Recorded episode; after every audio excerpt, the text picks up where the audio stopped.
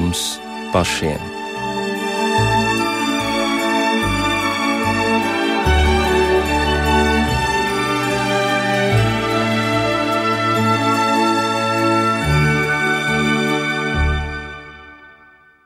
Esiet sveicināti raidījumā pāri mums pašiem, lai ir slavēts Jēzus Kristus.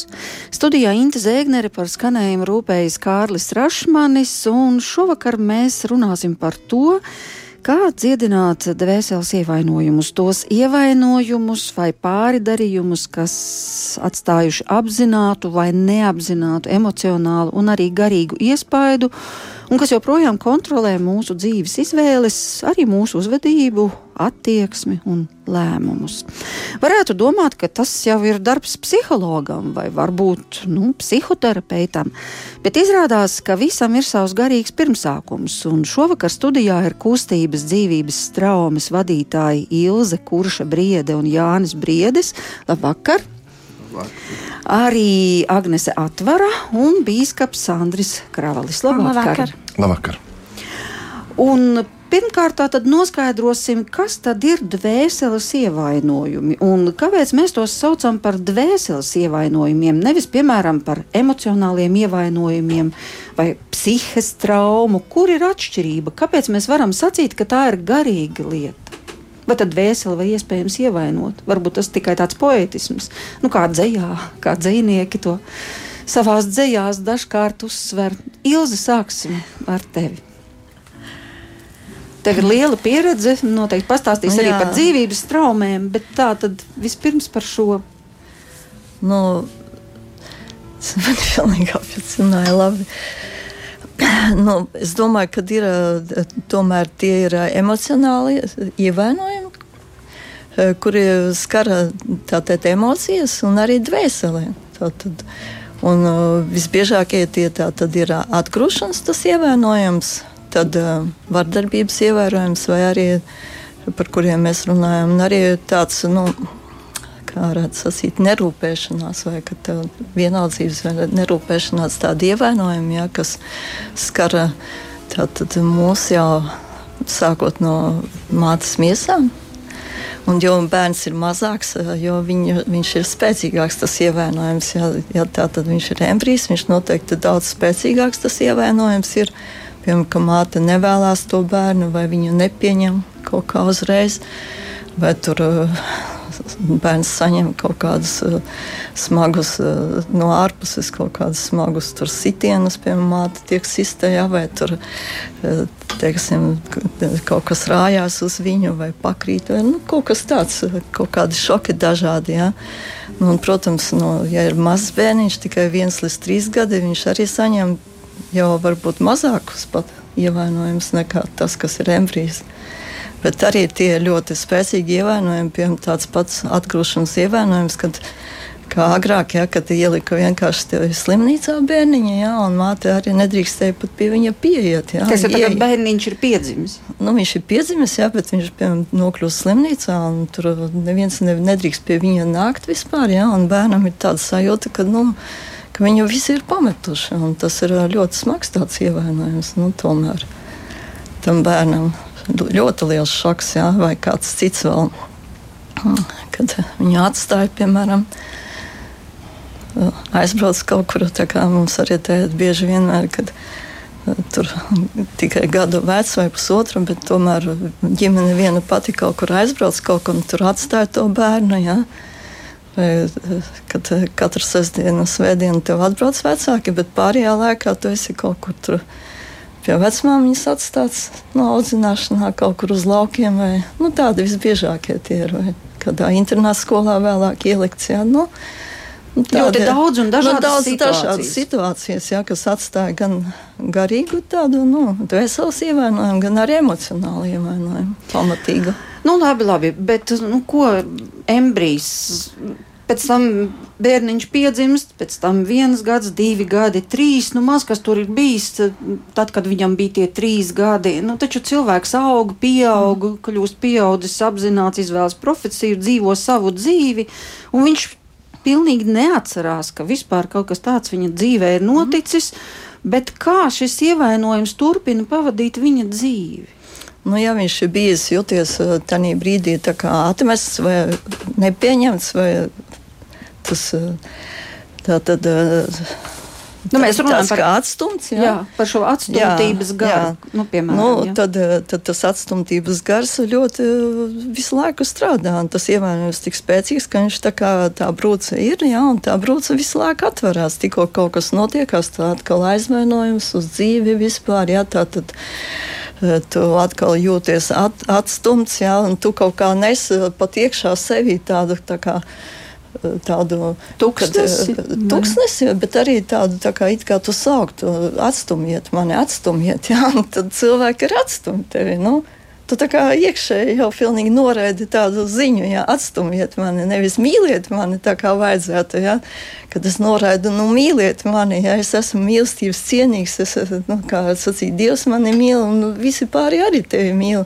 Bet tieši otrādi tu sauc gandrīz vai, kā saka, atstumiet bet mani. Tas taču notiek, tas notiek, bet tas taču notiek neapzināti. Tieši to es tieši tā, teikt. neapzināti, un visu laiku ciet no tā atstumtības ievainojuma. Visu laiku jūties atstumts no bet visiem. Kādā, nepieņem. Bet kā. kādā veidā šis ievainojums izpaužās? Nu, tu minēji vienu tādu lietu, piemēram, apvainošanās, pieņemsim, vai aizvainošanās, bet kā, kā vēl, piemēram, nu, kā, piemēram, tu vari atpazīt, ka šim cilvēkam nu, ir, ir tā, tāda dziļa sakne. Nu, jā, viņam ir tā upura tiek... mentalitāte, jā, kad, ka viņam sevis ļoti žēl visu laiku ir. Viņš, tā kā žēlojās. Ja, un, un, Nu, tāds tā kā upuris viņš jūtas. Jā, tā, nu. Bet viņš arī ir upuris. Nu, viņš būtības. ir, jā, bet nu, viņš arī tā uzvedās kā upuris. Jā. Tā tad nu, tas sacīt, upuru mentalitāte izveidojās. Nu, nabadzīgs. Nu. Un vēl ir kādas pazīmes? Es domāju, ka tas tas jau ir pietiekošas. Jā, tad arī ģimenē var, var gadīties, ka otrs arī upuris, jā, un tad viens otram uzbruk, jā, tur un veidojas vispār tāds. Jā, nu lūk, bet tagad uh, gribu tomēr noskaidrot, kas tad īsti ir dzīvības traumas un vai arī šīs garīgās lietas ir iespējams dziedināt. Jo nu, bērniņš, ja tas ir noticis, šis ievainojums trijos gados, nu, vai vecāki ir šķīrušies, vai viņš ir uz laukiem aizvests un tur dzīvojis savā nodabā un izmisīgi gaidījis, kad atbrauks vecāki, lai kas tas arī nebūtu. Tas ir laiks sen pagājis. Un ja šis lielais ievainojums cilvēkā ir, tad viņš to burtiski gandrīz vai fiziski jūt šo smeldzi. Mm, Viņi viņu visu laiku pavada, nu, bet tu taču nevari atgriezties trīs gadu vecumā, lai kaut ko mainītu. Tas laiks ir pagājis. Eh, nu, Dievam nav laika. Jā. Dievs visu laiku ir šeit, un Viņš arī ir pagātnē, un arī Viņš ir nākotnē. Jā. Un, ja, piemēram, eh, nu, mēs saucam uz Dievu jā, un ieaicinām tādīs notikumos, lai Jēzus ienāk ar mani tajā notikumā, kuru es eh, pēkšņi saprotu, ka ar mani tas ir noticis, ja? vai citreiz pat nesaprotu, ja? bet kaut kā lūkšanā laikā tas atklājās. Ja, ja tiešām Jēzus ienāk ar mani kopā un parāda savu žēlstību, ja? tad viņš momentā dziedina arī to bērnu mazo. Un tu, tā uzvedība arī izmainās. Ļoti spēcīgi pie tam vēl izmainās. Tikai nekad nevajag tumsā iet vienam pašam tur iekšā, no tur, kur tu esi bijis. Ko tas nozīmē? Tas nozīmē, ka jāņem jēzus aiz rokām. Aiz rokas jāņem jēzus un jāiet iekšā. Tad. Un labāk vēl, ka ir kādi citi, kuri varbūt tevi pavada tā kā mazajās grupās, kurās mēs arī aizlūdzam par cilvēkiem, ka tomēr ir asistents un ir vadītājs grupas. Jā, un, Un tad eh, nu, mēs palīdzam ieiet tajā tumsā tam cilvēkam kopā ar Jēzu. Tajā jā, pārdzīvojumā. Jā, tādā pārdzīvojumā. Negatīvajā. Līdz ar to viņš tur saņem kaut kādu citu informāciju par sevi. Bēdas pazūd, un tas mīlestības žēlsirdība, ko Dievs izlēja tajā brīdī, ir tik milzīga, ja, kad uh, viņa ļāva izkust mums vienkārši nu, tajā, ko mēs esam piedzīvojuši. Tātad tas nav gluži tā, ka, piemēram, tagad beigsies raidījums, un nu, tikai es atcerēšos, kas ir bijis pagātnē. Nu, tagad nerakņāties pagātnē. Tā tad nē, tā tad pašam to tomēr nevajadzētu nē. darīt, bet vajadzētu tiešām uzticēt to lietu dzīvības straumēm. Nu, ne tikai, nu, ir taču kad tu vari ar priesteri satikties, vai ar mācītāju savu, vai kādam arī ticīgam cilvēkam pastāstīt kaut ko. Ja? Nu, vienmēr tas, kas ir bijis tumsā, ja tu viņu iznes gaismā, tas uh, tiek dziedināts. Ja? Un, ja tas tiek izstāstīts, tad arī svētos rakstos ir teikts, izstāstiet viens otram, lai jūs būtu dziedināti. Bīskapa Andri, vai pie jums uh, bieži uh, vēršās ar šādām problēmām cilvēki?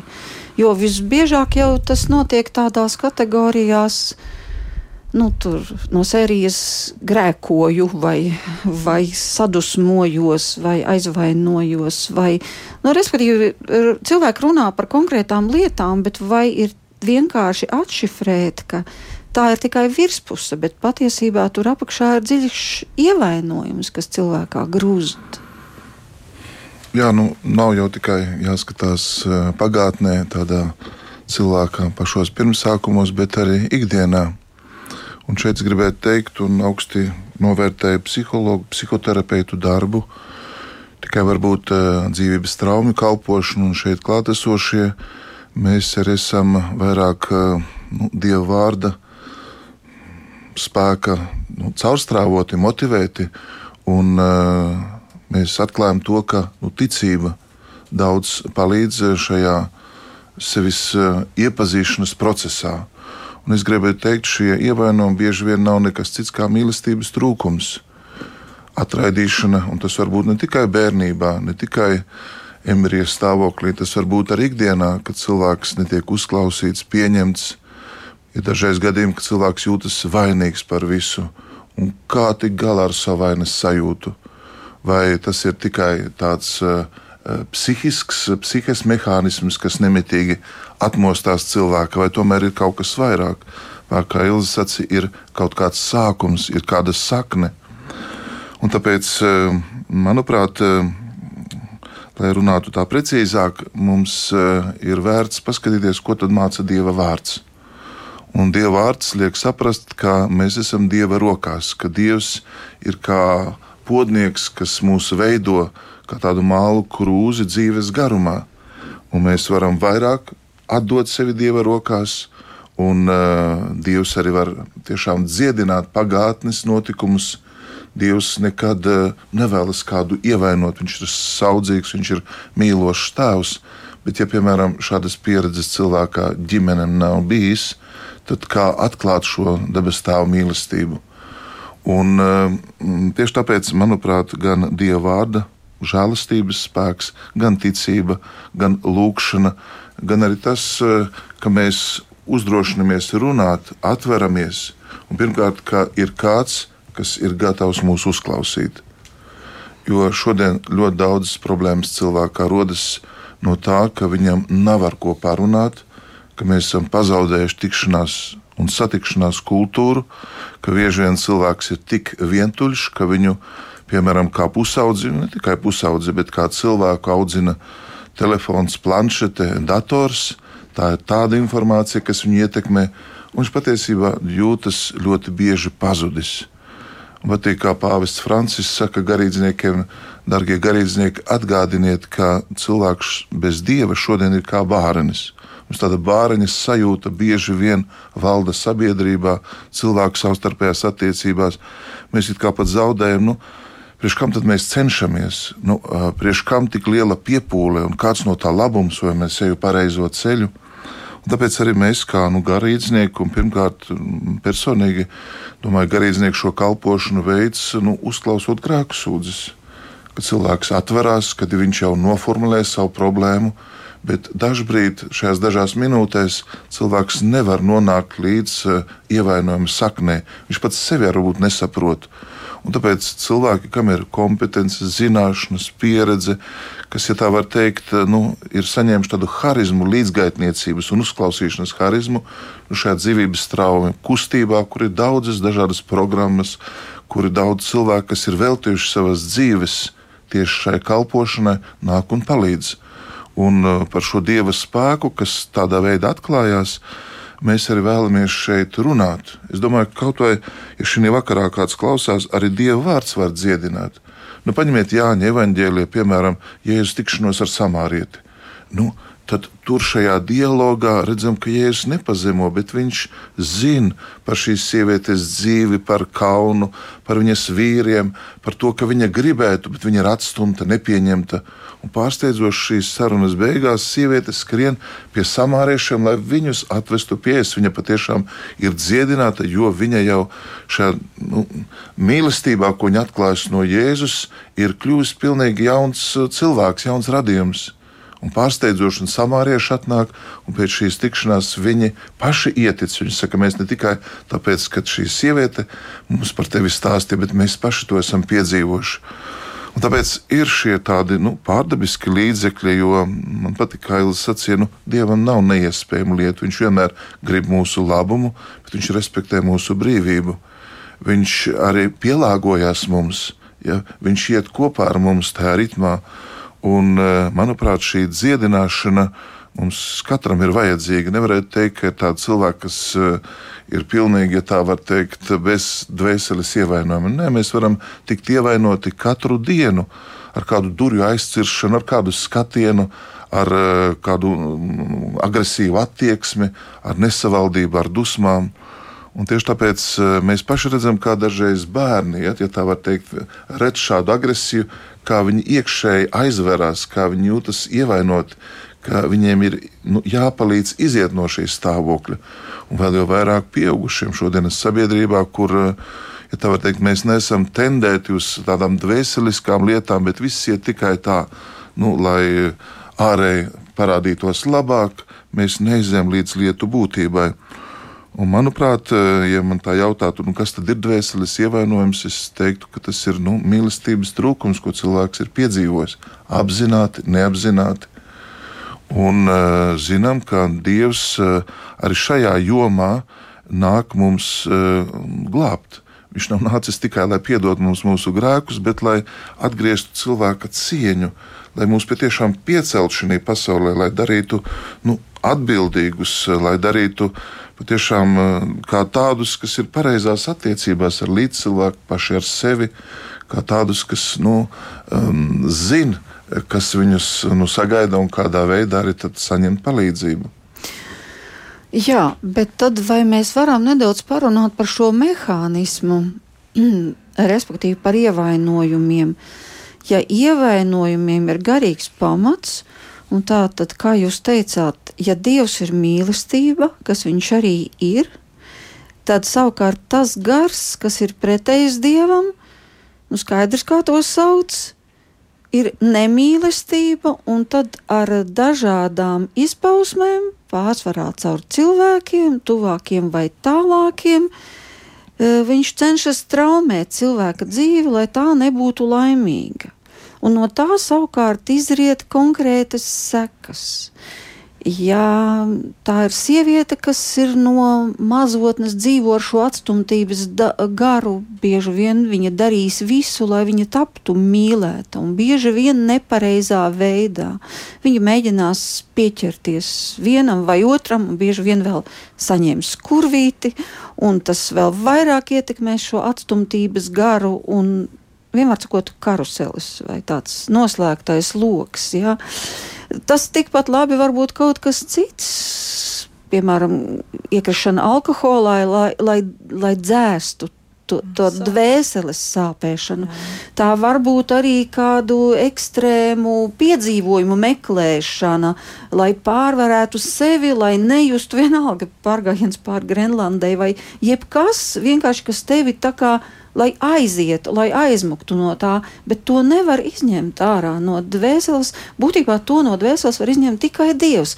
Tad jautājums, kādā veidā tas notiek dzīvības straumēs, kā jūs cenšaties palīdzēt cilvēkiem?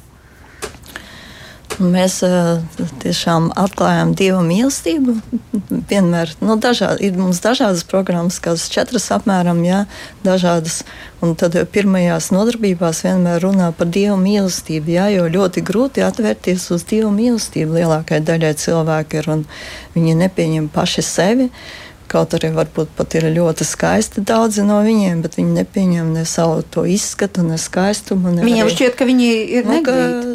nu, jā, Vai, ka nu, viņi, vienkārši- jā, nu, viņi jā. vienkārši nepieņem, nespēj mm. sevi tā kā arī pieņemt, akceptēt, kādi viņi ir, un arī bieži vien arī Dievu nepazīst, jā, jo di- Jānis Kars ir daudz ko melojis par Dievu, ka viņš tur ir eh, sodījis vai tur ir stingrs vai nezinu. Nu, tāda ļoti nepareiza priekšstata ir lielākajai daļai par Dievu, bet Dievs ir tikai mīlestība, nekas cits.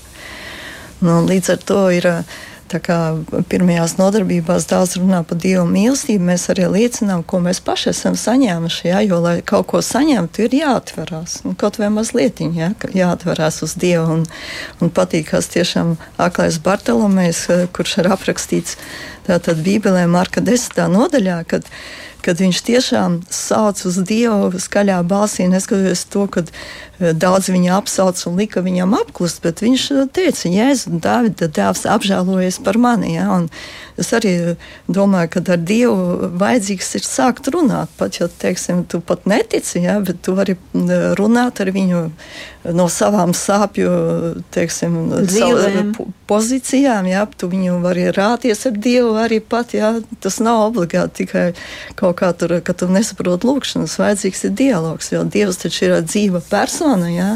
Jēzus ir uh, bijis cilvēks pat, jā, tātad Dievs un cilvēks runāt vajag, jā. Ar viņu skaidri pateikt, kas tev sāp, kas tev nesāp, jā, un, un Dievs vienmēr atbildēs, jā. Un, un tā, tad, tā tad vajadzīga kaut kāda zināms, tāda uzticība, kaut kāda jāiegūst pie tā cilvēka. Ja, ja viņš ir atnācis, viņam, viņš kaut ko vēlās, ja, jo pie mums atnāk arī tādi, kuri varbūt vēl netic, ja, vai pat nav kristīti nemaz cilvēki, ja, vai vienkārši viņi atnāk to sāpju dēļ, kuras viņi nevar atrisināt. Un vēlāk viņi liecina, ka nekad, nekad vēl mūžā mani neviens nav uzklausījis. Es pirmo reizi, ja, te, astoņas vai desmit nodarbības vai divdesmit runāja grupā, ja, un visi skatās uz mani, klausās ja, kā galveno runātāju. Ja, jo pirms tam nek, viņiem nav pat tādas pieredzes, ka viņi varētu runāt vispār un citi klausītos. Bet tur jau vēl ir kāds aspekts. No vienas puses, cik tas ir traki, ka nav šīs uzklausīšanas tradīcijas, viņa aizvien mazinās mūsu sabiedrībā, aizņemtības un dažādu citu iemeslu dēļ, bet otra lieta jau ir, ka tev jau arī bail ir uzticēties. It sevišķi, ja cilvēks ir ievainots. Tas, Nu, tas ļoti ievainojums, lai, lai tu ar otru cilvēku spētu par to runāt, tad ir jābūt, es nezinu, kādai garantijai, ka tas varbūt paliks šeit starp šiem cilvēkiem, Nu, ka tu vari uzticēties. Grūti, jā, nu, tā, tāpēc tā uzticība veidojas ļoti lēnām. Jā, un, un, Kā, kā kurais jā, ir, tad, tāpēc jau ir tās grupas, jā, jo, piemēram, arī pe- personīgi es, jā, ja man vajadzētu iet, nu, piemēram, agrāk, nu, teiksim, kādā jaunībā pie kāda psihoterapeita, es pat nezinātu, ko viņam stāstīt, jo es par sevi nekad neesmu pieradusi par sevi runāt kaut ko, jā, bet grupā ir tā žēlstība, jā, kad teiksim, tur sēž četri vai pieci tie dalībnieki, ja, un kāds jau kaut ko pastāstīs. Ja, un tad tev kaut kāda ideja ienāk prātā, oh, ar mani arī tā notikās, vai, vai cilvēks pat emocionāli sāk kaut kā. Viens tur stāsta, otrs sāk emocionāli reaģēt, jā, tur raudāt vai, vai kaut kā, jā, ka viņam tieši tas pats ar viņu noticies. Jā, un, un daudzi cilvēki arī ieslēgti kaut kādās tādās nepareizās domās, jā, ka tas tikai ar viņu notiekās kaut kas tāds ļoti dīvains un jocīgs un tā tālāk. Bet, paldies Dievam, tad grupā atklājās, ka visi kaut ko tādu piedzīvo. Jā, un līdz ar to nu, tās bailes kaut kā pāriet, jā, un tā svētā gara žēlastība ir tik milzīga. Jā, kad, kad eh, mēs pat ļoti daudzreiz esam nu, izbrīnīti, ka cilvēki tiešām atverās. Ja? Pēkšņi atverās, jā, un, un Dievs eh, tiešām viņu var satvert jā, savā mīlestībā un parādīt tam cilvēkam to mīlestību. Jā. Mani piepildi.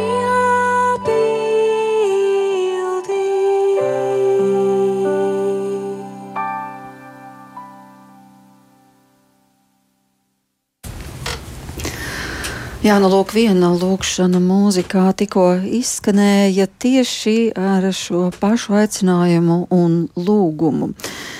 Vēl, kā jau tu jūzi sacīji, ir eh, tādas pazīmes, kuras var liecināt par šo atstumtību, kā tu sacīji, sevis žēlošana, arī atkarība no citu viedokļiem, bailes, ka citi cilvēki atstums, arī dusmas, aizvainojums, tā var būt arī depresija, tā var būt arī vēlme atriepties, un cik interesanti man tas nekad nebija ienācis prātā, ka var būt arī tā, ka no šīs atstumtības e, tieši tās personas dažkārt uh, kļūst par tādiem revolucionāriem, kas grib mainīt pasauli un sabiedrību, bet patiesībā ir e, apakšā šis pats atstumtības gars. Jā, bet Jānis Briedis vēl nav sacījis šajā raidījumā nevienu vārdu, un arī um, tu esi kaut kādā veidā gājis tam cauri. Uh, jo, kā jau bīskaps Andris sacīja, ir iespējams ievainot dažādos vecumos, ar vārdiem, ar darbiem, visdažādākajā veidā. Nu, kā jā. tas bija ar tevi? Jā, nu, ar mani tas bija. Var teikt, tāda viena, viena liecība, ko es tādu varu pastāstīt. Uh, es esmu Černobiļas avārijas seku likvidētājs, saucamais. Uh, un, uh, pēc eh, šīs Černobiļas 86. gadā pagāja apmēram 4 gadi. Man bija kaut kādi 42, ja, un nu, es sāku slimot. Un, uh, diezgan jau pamatīgi no sākuma tur nekas, bet mana imunitāte sabruka, asins sastāvs, var teikt, galīgi aizgāja čupā. Un, un beigās bija tā, ka caur ārstiem, caur analīzēm. Nu, ārsta komisija man eh, teica, tā, nu, tagad, eh, draugs, mēs piešķirsim tev to invaliditātes grupu, un tu nekad vairs dzīvē nevarēsi strādāt man ja, liftā braucot, eh, tur tas galvenais doktors to paziņoja. Man bija tāds kā šoks, kā augstu ūdeni man uzgāza galvas. Jo to tev pateica autoritāte. Jā, doktors, kas eh, ar to nodarbojas. Un, un eh, es, es varu teikt, pilnīgi apstulbu no šī fakta. Es sapratu, kādas tālākās sekas ir nu, uz darbu es neiešu ar cilvēkiem, vairs normāli teikt, nesatikšos. Man šīs attiecības teikt, sāks brukt tādas cilvēciskā komunikācija, par ko mēs te iepriekš, un, un Bīskaps Andris teica, uh, nu, man tās bija tādas, uh, un es sāku ciest no tā. Un pamazītēm, pamazītēm tas pārdzīvojums nu, man kā vīriešu cilvēkam pārvērtās tā, nu, kaut kādā veidā tās uh, savas uh, iekšējās ciešanas uh, kaut kur mērcēt. Nu, tas bija alkohols. Ja. Nu, pa glāzīt, pa glāzīt, beigās jau aizgāja jau diezgan pamatīgi. Nu, toreiz Dievu es nepazinu. Tajā laikā, un nu, nebija garš laiks. Sākās man atgriešanās, sākās man meklējumi. Mans darba kolēģis pateica, nu, ir tādi interesanti ticīgie cilvēki, kas dievam tic, un viņiem visādi brīnumi notiek. Pamēģināt tev arī vajadzētu. Un es, es no sākuma tā kā tielējos, bet tā kā man darbā slikti palika pavisam, un, un uz slimnīcu tiku jau, jau pie ārstiem, jau, jau tā nopietnāk. Un, jā, nu tad es atcerējos, jā, ka nu, jāpamēģina, jāpamēģina satikt kristiešus, savus ticīgos cilvēkus. No, jo man tas kolēģis tik nopietni pateica, nekas jau tevi negrābs. Ārsti tev tur palīdzēt eh, pēc Černobiļas, neko tur viņi īsti nevar.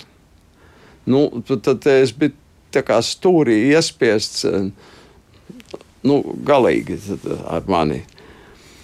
Un, jā, un tad, eh, var teikt, eh, sākās mans eh, atgriešanās ceļš. Protams, es pieņēmu Jēzu Kristu kā savu glābēju, un, un, un viņam sāku uzticēt savas grūtības, savu smagumu, to lielo nastu. Nu, tas, tas jau uz momentā tas nebija tāds, tāds piecu minūšu jautājums. Ta, tas bija process, pagāja kāds laiciņš. Bet nu, nebija arī dikti gari. Tas varbūt gads, divi. Jā. Divi gadi varbūt, un, un, un varētu teikt, viss sāka mainīties. Pirmkārt, izrādījās, ka ārstiem nebija taisnība. No ārstiem ir taisnība tik tālu, ja, bija vismaz manā gadījumā, ja cilvēks nepazīst Dievu, un viņš nekur nedabū ne dziedin, tādu atbalstu dziedinošo dievu mīlestību. Viņš nekur pretī nesaņem no cilvēkiem. No, ne, nu, tad, tad tā nu ir. Tā arī var notikt, ka viņš arī mocīsies ilgi un pamatīgi. Manā gadījumā es satikšu, var teikt, brāļus un māsas Jēzu Kristu, kristiešus. Ja, Nu, Katru reizi, kad ierados uz dievkalpojumu, man viņi pajautāja, nu, kā tev labi iet, kā tu jūties, kā tev tur. Un es jūtos, es esmu kādam vajadzīgs. Ne tikai dievam, bet arī cilvēkiem. Tas, tas man tā sildīja, tas bija tik patīkami un jauki. Un, un viena šī, var teikt, dziedinošā puse. Un, un kas bija, kad pagāja vēl kaut kādi apmēram kopumā trīs gadi. Un uh, Stradiņu slimnīcas galvenais imunologs uh, šķirstītams dokumentus brīnījās, kas ar tevi noticis. Un kas tad bija noticis? Nu kā, nu, praktiski nu, vēl tur pagāja pusgads, un mana imunitāte bija, var teikt, vesela cilvēka līmenī. Mans trakais eh, leukocītu mazais, ļoti cipars eh, no 1800 un pat, pat mazāk, 1500 viņš bija. Un atkal viņš kļuva uz 5, uz 6 tūkstoši. Nu, tā kā pienāks normālam cilvēkam. Bet tu pats arī saprati, ka tas es, ir brīnums.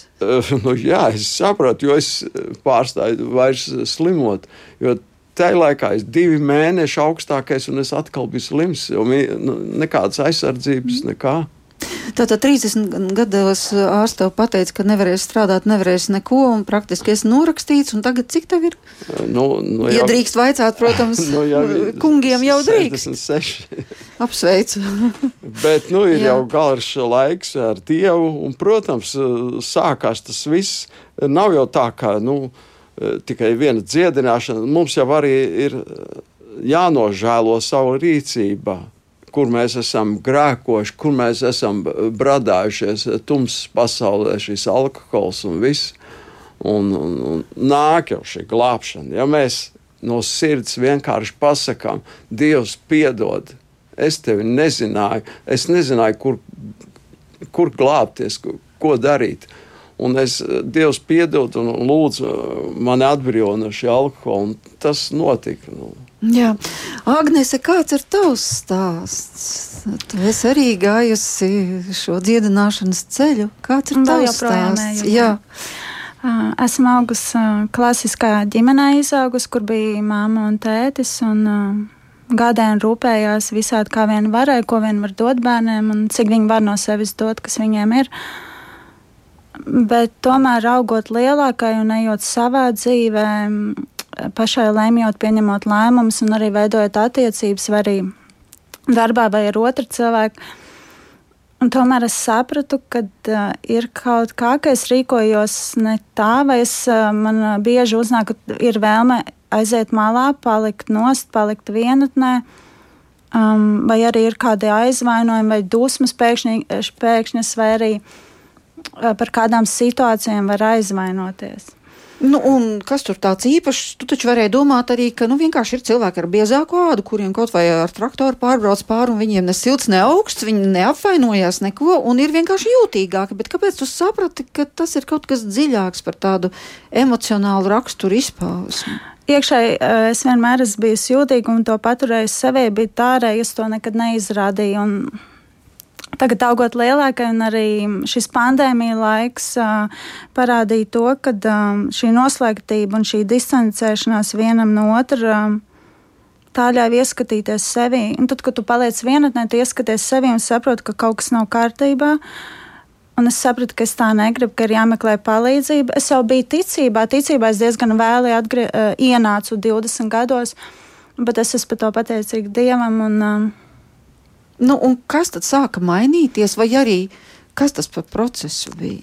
Jā, un tad es sāku meklēt ar vien vairāk dievu, iepazīt viņu, caur viņu iepazīstot arī sevi.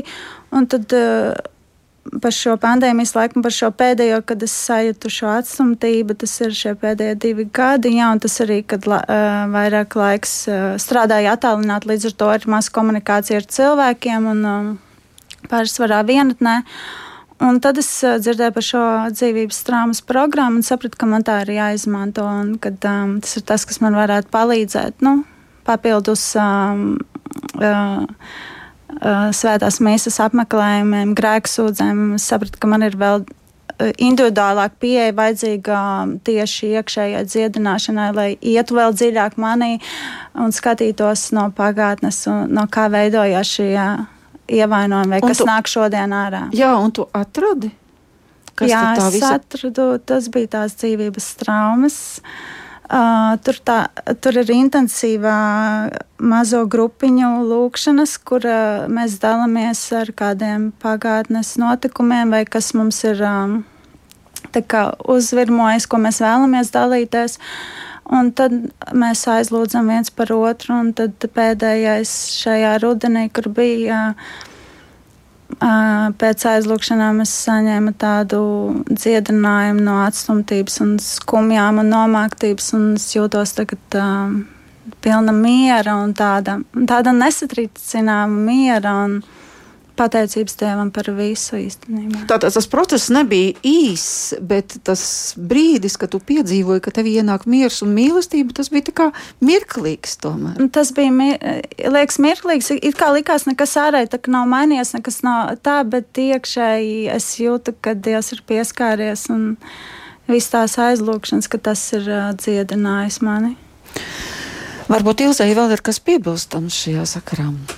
Es domāju, ka arī Agnese ļoti cīnījās ar negatīvām domām. Mēs uh, norunājām pēdējā reizē pirms kādām četrām nedēļām. Tas bija, jā, kad kad uh, pietiek, uh, nevajag laist tās negatīvās domas, jā, un kad lai, vajag nu, viņas bišķīt tā kā pieskatīt, jā, neiet iekšā, jā, un nepaturēt, kā saka, netīksmināties ar negatīvo, kas viņu visu laiku nomāc. Un, nu, respektīvi, ja jā. lido kāda doma, nevajag viņu ķert, viņai piesieties un nu, viņu nevajag sākt, paturēt, jā, jā. tur mm. kaut kā, jā, un, un Agnes tiešām pat uh, Mēs pat tādu tā atskaiti vietā, ka viņai kādas trīs dienas man rakstīja, vai viņa ir iekritus tajās negatīvajās domās vai nav. Nu, un, un to viņa kaut kā trīs dienu laikā kā, nu, varbūt ilgākā laikā tas bija, vai ne? Kā tu cīnījies, jā, tur un, un tiešām pilnīgi brīnums, jā, tagad atnāca, viņa bija pa vidu vēl slima pat divas nedēļas, un tad atnāca pēkšņi pēc trīs nedēļām, un vispār pilnīgi cits cilvēks, es, un bija tāds, un mēs visi muti atvērām, sākām plaudēt vispār, kad, kad no tās atstumtības un tā vientulības tuksneša, jā, tā kā viņa ir, nu, viss Man vēl ir jautājums, vai tas ir svarīgi saprast, kas tā par situāciju un no kurienes ir šī tūkstneša sajūta cilvēkā. Vai viņam svarīgi to zināt, vai arī nav? Nu, es domāju, ka tā bija ļoti liela žēlstība, jo jau nav arī nu, daudzreiz saprotams tas, jā, bet arī nav īsti spējas atvērties uz to dievu mīlestību. Jā. Jo, Lūk, bet, bet, bet at, tad jā. vienā brīdī kaut kas notiekās tomēr, jā, un tā ir nu, tīrākā dieva žēlstība. Mēs viņu arī nevaram tā no dieva izspiest pat nekādā veidā, bet nu, viņa ir. Nu, un, par, un tie jau ir tie lielākie brīnumi, kad vienkārši notiek un viss. Nu. Tu, it kā centies, ja, nu, no visa spēka, ja, bet tomēr darītājs ir Dievs. Ja ne mēs, jā, mēs cenšamies no savas puses nu, kaut ko darīt, lai satiktu viņu, jā, bet, bet iniciators vienmēr ir Dievs. No? Ļoti būtiski ir nu, respektēt to gara pasauli un pirmkārt jau pieņemt, ka tāda mums ir. Un ne tikai nu, kristieši runā, vai, vai šeit tikai dieva vārds, bet nu, arī daudzi nu, garīgi cilvēki, filozofi, domātāji arī mākslā un literatūrā to ļoti respektē, par to runā. Nu, man nāk prātā Zentas Mauriņas eh, garīgās dzīves baušļi par dvēseles higiēnu. Viņa runā. Viņa jau pati dod ļoti svarīgus eh, attiecību un sevis pažīšanas principus. Un man ļoti uzrunā Agnese, viņa runā iepazīt sevi, bet tad, tad nu, iepazīt eh, sevi dievišķā gaismā.